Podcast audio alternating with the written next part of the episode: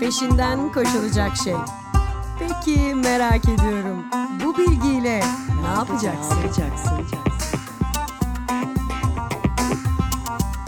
Merak listesi her geçen gün kabarıyor. Çağrı'yla her hafta podcast yayınında. Podcast yayınında.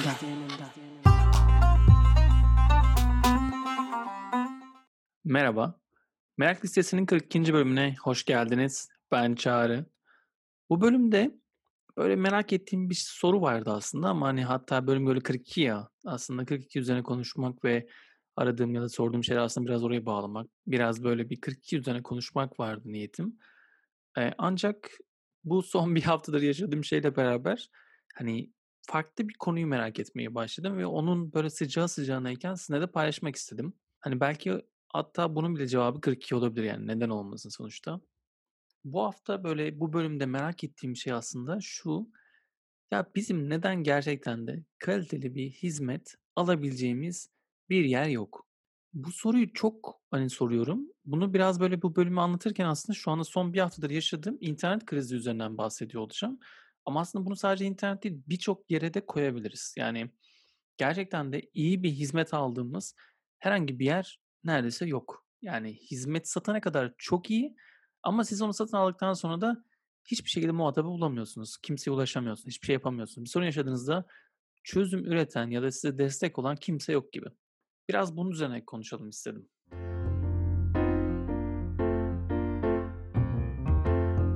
Hatta şöyle hani başlıkta zaten müjde internet erişiminiz yok diyorum. Çünkü gerçekten 7 gündür internet erişimim yok.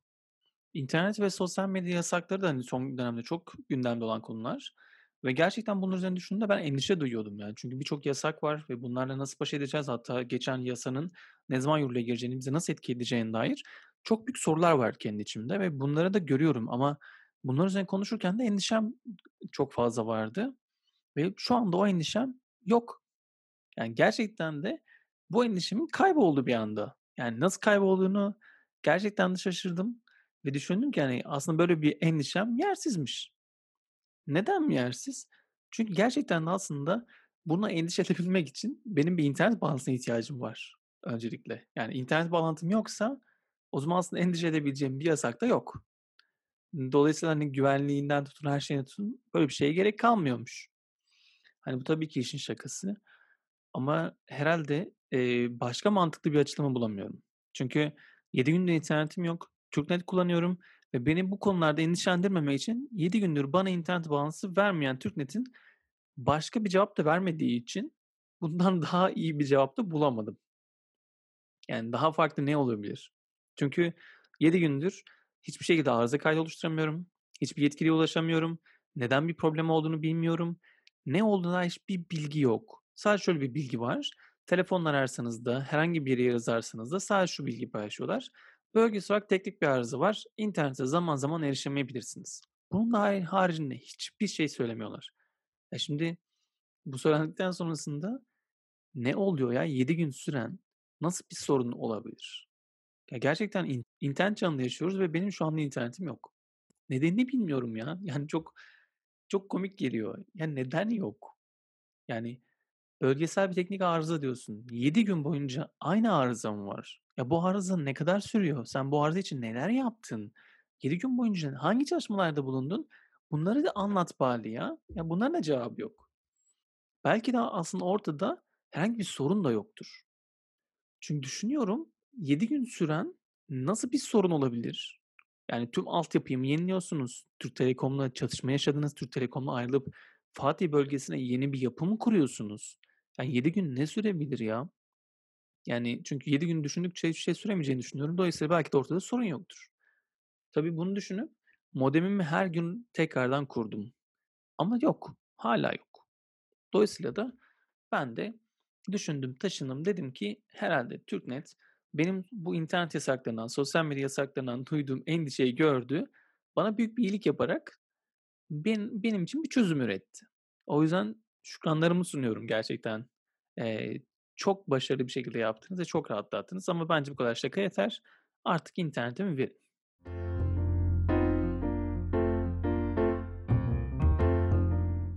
Bu da başında söylediğim şey doğru götürdü beni. Ya, hizmet satın alma kavramı ülkemizin ne yazık ki tek taraflı işliyor. Yani, gerçekten bir şeyi satın alana kadar inanılmaz büyük satış kaynakları var. Sizi satmak için, beğenmemiz için her şeyi yapıyorlar ama ne zaman satın alıyoruz, ondan sonrasında sorun yaşıyoruz. Yani, bunun diğer tarafına oturmuş kişi olarak daha önce daha önce müşteri hizmetlerinde çalıştım. Müşteri hizmetleri tarafında biliyorum. Aslında gerçekten yapılmak istendiği zaman çözümler çok kolay ve çok basit ve bunların nasıl işlediğini çok iyi biliyorum. E, daha önce perakende sektöründe Zara'da çalıştım. Zara'da da ya hatalı ürünlerle gelen müşterileri biliyorum ya da hatalı olmayan ama kendisince öyle olan gelip müşterileri biliyorum. Çözümler çok basit. Gerçekten karşı tarafı dinlediğinizde çözüyorsunuz. Yani hizmet vermek zaten böyle bir şey. Ama nedense biz muhatap bulamıyoruz. Özellikle de son dönemde yani buldukları tek bir şey oldu. Şöyle bir şey gitti tek taraflı olarak da. Mesela fatura geldiği zaman ödemek zorundasınız. Yani herhangi bir şekilde geciktirme şansınız yok. Hemen bir üzerine faiz biniyor. Ya da işte internet erişiminiz kapatılıyor. Ya da mesela bir ürün aldınız. O ürünü karşı olarak siz hani şey mesela elektrik faturanı ödemiyorsun. Elektriğin kesiliyor. Yani yaptırımlar var. Ama hizmet veren tarafında yok. Hizmet veren taraf sorun çıktığı zaman ortadan yok oluyor. Kaçıyor.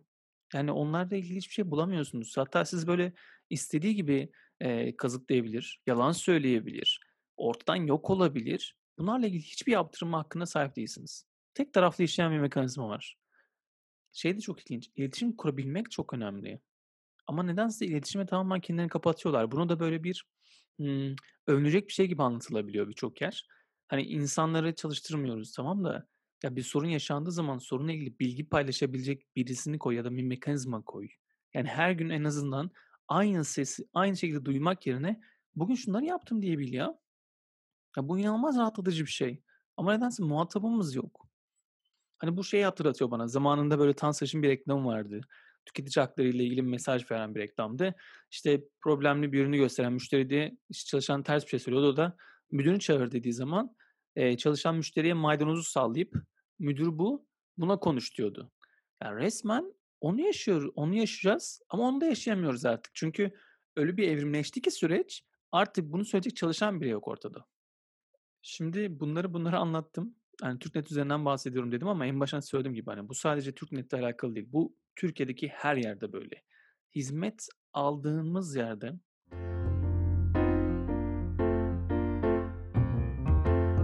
bir para verip anlaşma yaptığımızda tek taraflı işliyor.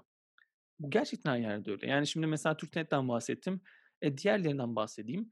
Mesela TürkNet'ten önce ben Vodafone almak istedim. Vodafone'u aradım. İnternet üzerinden başvuruda bulundum. İşte benim evimde çok hoşuma gitti. Ne kadar hangi hizmet paketlerini alabileceğimi söylüyordu. İşte fiber bilmem ne alabilirsiniz falan. Seçtim. Her şey okey. Bir sonraki gün bana Türk Vodafone'dan birisi aradı. Dedi ki işte böyle böyle ben yetkili bayisiyim. İşte şeyin e, Fatih bölgesinin. Ben size yardımcı olacağım. İşte şöyle şöyle bilginiz var doğru mudur? Doğrudur. Ama yanlışlık olmasın. Siz bana bir daha WhatsApp'tan tekrardan adresinizi yazın dedi. Ben de WhatsApp'tan adresimi yazdım. Sonra adresi yazdıktan sonra, eee, kurulacaklarını söylediler bir gün sonrasında. Ben evde olmayacağımı söyledim. "Sorun yok, kurarız." dediler. Dedim ki, "Şu an hâlâ ben kablonet kullanıyorum. Bir problem olur mu?" "Yok, yok, biz zaten aynı altyapıyı kullanıyoruz. Hiç problem olmayacak." dediler. A, ben dedim, "Ne güzel, ne kadar kolay." Sonraki gün işlemleri yaptıklarını söylediler. Sonra eve geldim, baktım internet yok. O sırada e-postamı kontrol ettim. Vodafone'dan mesaj gelmiş, mail gelmiş. Diyor ki, "İnternetiniz hayırlı olsun, kullanıma başlayabilirsiniz." Bakıyorum, bakıyorum yok. Sonra bir baktım tekrardan mail'e adres olarak yan dairem gözüküyor. Ben kaldım böyle. Yani nasıl yan dairem olabilir? Sonra WhatsApp'tan bana yazan yetkili, eee, kişiyi aradım. Dedim ki, hani, "Siz yetkili bayisiniz. Böyle böyle bir sorun yaşıyorum. Hani, kurabileceğimizi söylemiştiniz ama yan daire gözüküyor." "Ya, evet, ben biz geldik kurduk." falan dedi. "Evet." dedim ama yan daireyi kurmuşsunuz. "Ya, siz zaten aslında kablonet kullanıyormuşsunuz hâlâ." "E?" dedim. Aynı yere ikinci bir hat çekemiyoruz. Kablonet iptal etmemişsiniz dedi. E, ama dedim siz bana bunu söylemediniz. Ya işte biz de hani sizden mağdur olmayın diye yan daireye çektik dedi internet. Böyleyim. Nasıl yani ben mağdur olmayayım diye niye yan daireye benim adıma internet bağladınız? Bunun üzerine diyor ki ya işte siz de internetinizi iptal etseydiniz. E, beyefendi diyorum yani siz bana herhangi bir şey söylemediniz. Ben size aktif olarak kullandığımı söyledim. Ne yapmam gerektiğini söyledim. Siz dediniz ki sadece adresinizi bana WhatsApp'tan gönderin. Ya, ondan sonra benim yan daireme internet kurdular. Sonra bir 5 gün mü 6 gün mü ne Bu interneti iptal ettirmek için uğraştım ve de üzerine bana fatura çıkartmaya çalıştılar. Kullanmadığım ve onların yanlış kurduğu fatura yanlış kurdukları internet üzerine.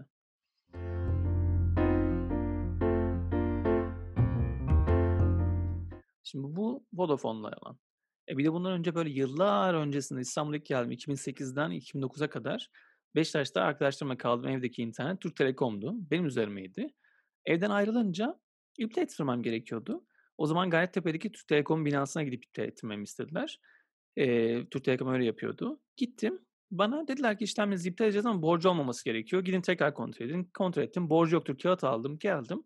Biz beraber taahhütü iptal ettiğimizi karşılıklı bir oradaki yetkiliyle beraber imzaladık ve iptal ettik. Sonra bana 3 yılda bir Türk Telekom e, oradaki internetten dolayı fatura çıkartıyor.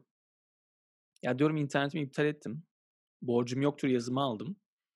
Bununla ilgili her 3 yılda bir 2-2,5 ay süren bir tartışma yaşıyoruz. Sonrasında gerçekten de şuna bağlanıyor. Evet beyefendi haklıymışsınız. Bir yanlışlık olmuş özür dileriz. Aradan 3 yıl geçiyor. Yine aynı borç çıkıyor. 3 yıl geçiyor. Aynı borç çıkıyor. Ve gerçekten de bunları yaşıyorum.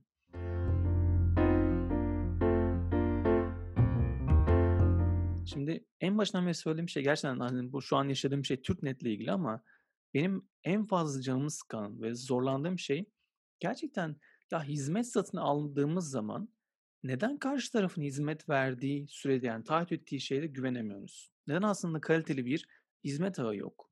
Ya da bu hizmet ağını vermedikleri zaman şikayet mekanizması yok. Yani evet tüketici hakem heyetleri var ama onlara gitmek çözüm değil. Onlar genelde böyle bir 3 ay, 6 ay hatta 1 yılı buluyor çözülmesi. Yani şu an internet çağında yaşıyoruz. Hatta böyle azılamak istediğim bölümlerden bir tanesi temel hakların yanında artık hani barınmanın, yemenin, gıdanın yanında artık yani internet de bir temel hak haline geldi. Ve bununla ilgili bir bölüm hazırlamak isterken bir anda şehrin göbeğinde 7 gündür internetim yok. Neden olmadığını bilmiyorum. Yani bu kadar iletişim çağındayız. Her yerden iletişim mümkünken, satın almak istediğiniz herhangi bir ürünle ilgili WhatsApp'tan ayrı ulaşabiliyorken, internete gidiniz her yerde reklam veriyorlarken, her yerden ulaşabiliyorlar, her şekilde yapabiliyorlar.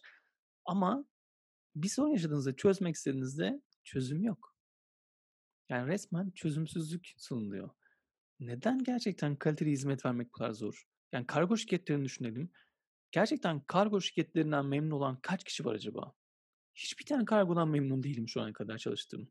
Ve hepsinde gerçekten bazen daha kaliteli olsun deyip daha kaliteli seçme daha çok sorun yaşıyorum. Hani gerçekten iyi bir hizmet vermek bu kadar zor olmamalı. Ama bunun tabii ki böyle bir şey var. Şöyle bir tarafı var. Hizmet verenlerin desteklendiği ve korunduğu bir sistem içerisindeyiz. Yani ben şu an internet faturamı ödemeyeceğim Türk Telekom, TürkNet'te ve 7 gün boyunca bana internet hizmeti vermediler. Ama bir kuruş eksini ödersem bana o bir kuruşun peşine düşüp yıllar sonra geri dönecekler. Türk Telekom gibi ya da hiç var olmayan bir borç çıkartıp bana geri dönecekler. Ama ben kalkıp da o 7 gün boyunca kullanamadığım internet karşılığında telefonu harcadığım internetin bedelini alamayacağım. Gereksiz yere internet paketimi normalde iki katına çıkartmak zorunda kaldım telefonda. Ve o da bitti. Çünkü ben internette birçok şey yapıyorum ve internetimi kullanamıyorum. Yani internet çağında en fazla erişebileceğim, en fazla ihtiyacım olan şey internet ve pandemi sürecinde hala evde geçiriyorum ve internetim yok.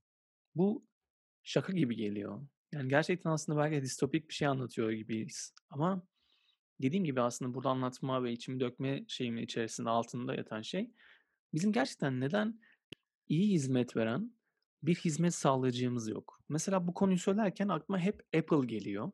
Evet, eee, Apple ürünlerini çok seviyorum. Çünkü çok iyi bir hizmet veriyor. Ya mesela ben iPhone'umu aldım. iPhone'la ilgili bir sorun yaşıyorum. Hemen destek hattını arayabiliyorum. Ya da destek hattına ben şu saatte müsait olacağım deyip beni arayın diyebiliyorum. Destek hattından aranılan, ulaştığım kişiyle konuşmaya başladığımda o kişi bana çok sakin, çok keyifli bir ses tonuyla benim sorunumun ne olduğunu anlamaya çalışıyor. Beni dinliyor ve ben o dinledikten sonrasında anlattığım şeye, şeye göre de birlikte çözüm üretmeye çalışıyoruz. Eğer sorun gerçekten teknik olduğunu fark edersek de bana randevu oluşturup Apple Store'a gitmemi söylüyor. Ama randevuyu beraber oluşturabiliyorum. Yani bana çözümün her yolunda destek oluyor ve yanımda oluyor. Çözülemiyorsa, benden kaynaklı bir problemse de bunu o kadar güzel bir şekilde söylüyor ki Aa evet diyorum tamam o zaman bunu çözmek için de gerçekten yine teknik servise ilgili ben iletişime geçeceğim diyorum. inanılmaz kaliteli bir hizmet veriyor. Ve benim için mesela Apple ürünlerini kullanmak diğer ürünlerden çok daha önemli. Çünkü çok iyi bir hizmet kalitesi var. Ama diğer hiçbir yani Türkiye'deki başka hiçbir şeyde bu hizmet kalitesi yok.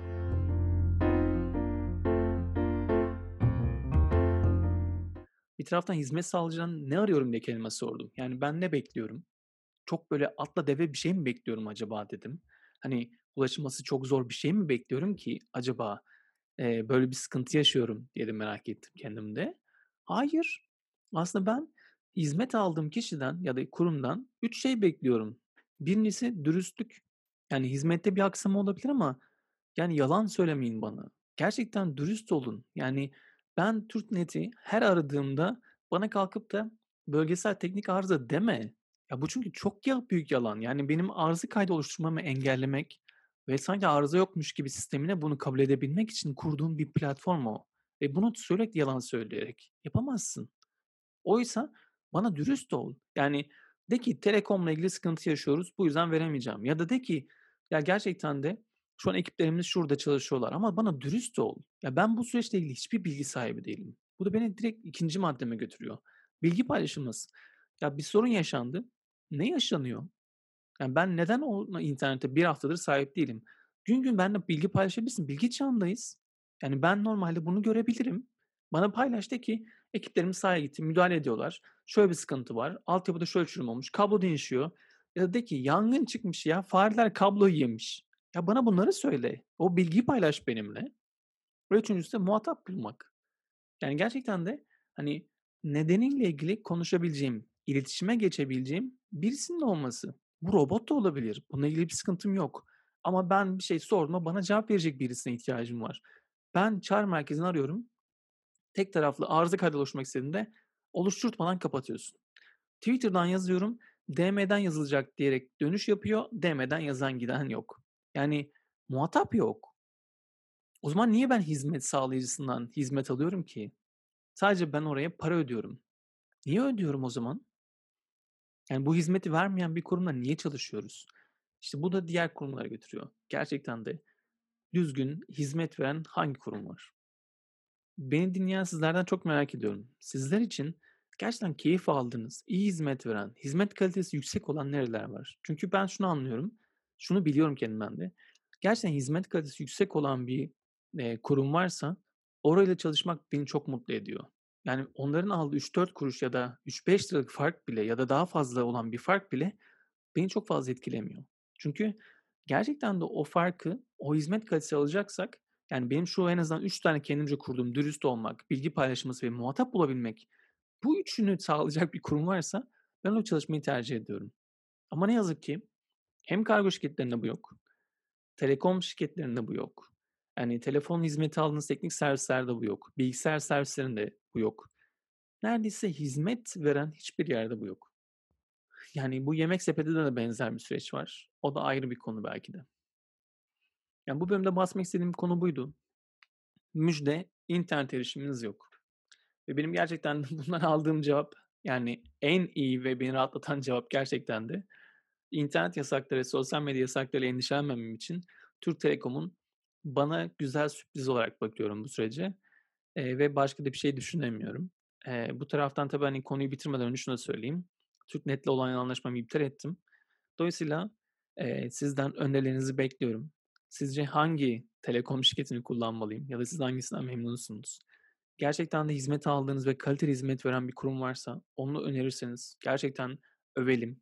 Gerçekten övelim çünkü gerçekten de kaliteli hizmet veren kimse yok gibi. Dolayısıyla kaliteli hizmet veren kişileri ya da kurumları da öne çıkartıp onların daha fazla bilinmesi ve kullanılması için de teşvik etmek gerektiğini düşünüyorum. E, bu bölümlük bu kadar. Biraz hem böyle iş dökme oldu hem biraz böyle üzerine konuşmak istediğim aslında hep böyle bir hizmet veren ve hizmet alan tarafındaki sıkıntılardı. Bundan bahsetmek de TürkNet'e nasip oldu. Sağ olsunlar gerçekten de. 42. bölümümü cevabı 42 olmayan bir bölümle onlarla kapatıyoruz. Ee, bu bölümünle ilgili yorumlarınızı, düşüncelerinizi gerçekten benimle paylaşmanızı çok isterim. Çok da sevinirim. Beni dinlediğiniz için teşekkür ederim. Bir sonraki bölümde görüşmek üzere. Umarım bir sonraki bölüme kadar internetim olur. Bu da böyle bir temennim olsun. Görüşmek üzere. Kendinize çok iyi bakın. Beni dinlediğiniz için teşekkür ederim. Hoşça kalın.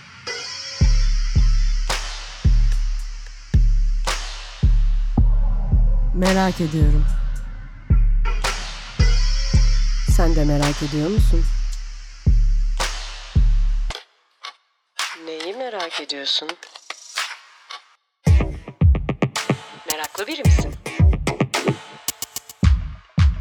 Merakını nasıl gidereceksin?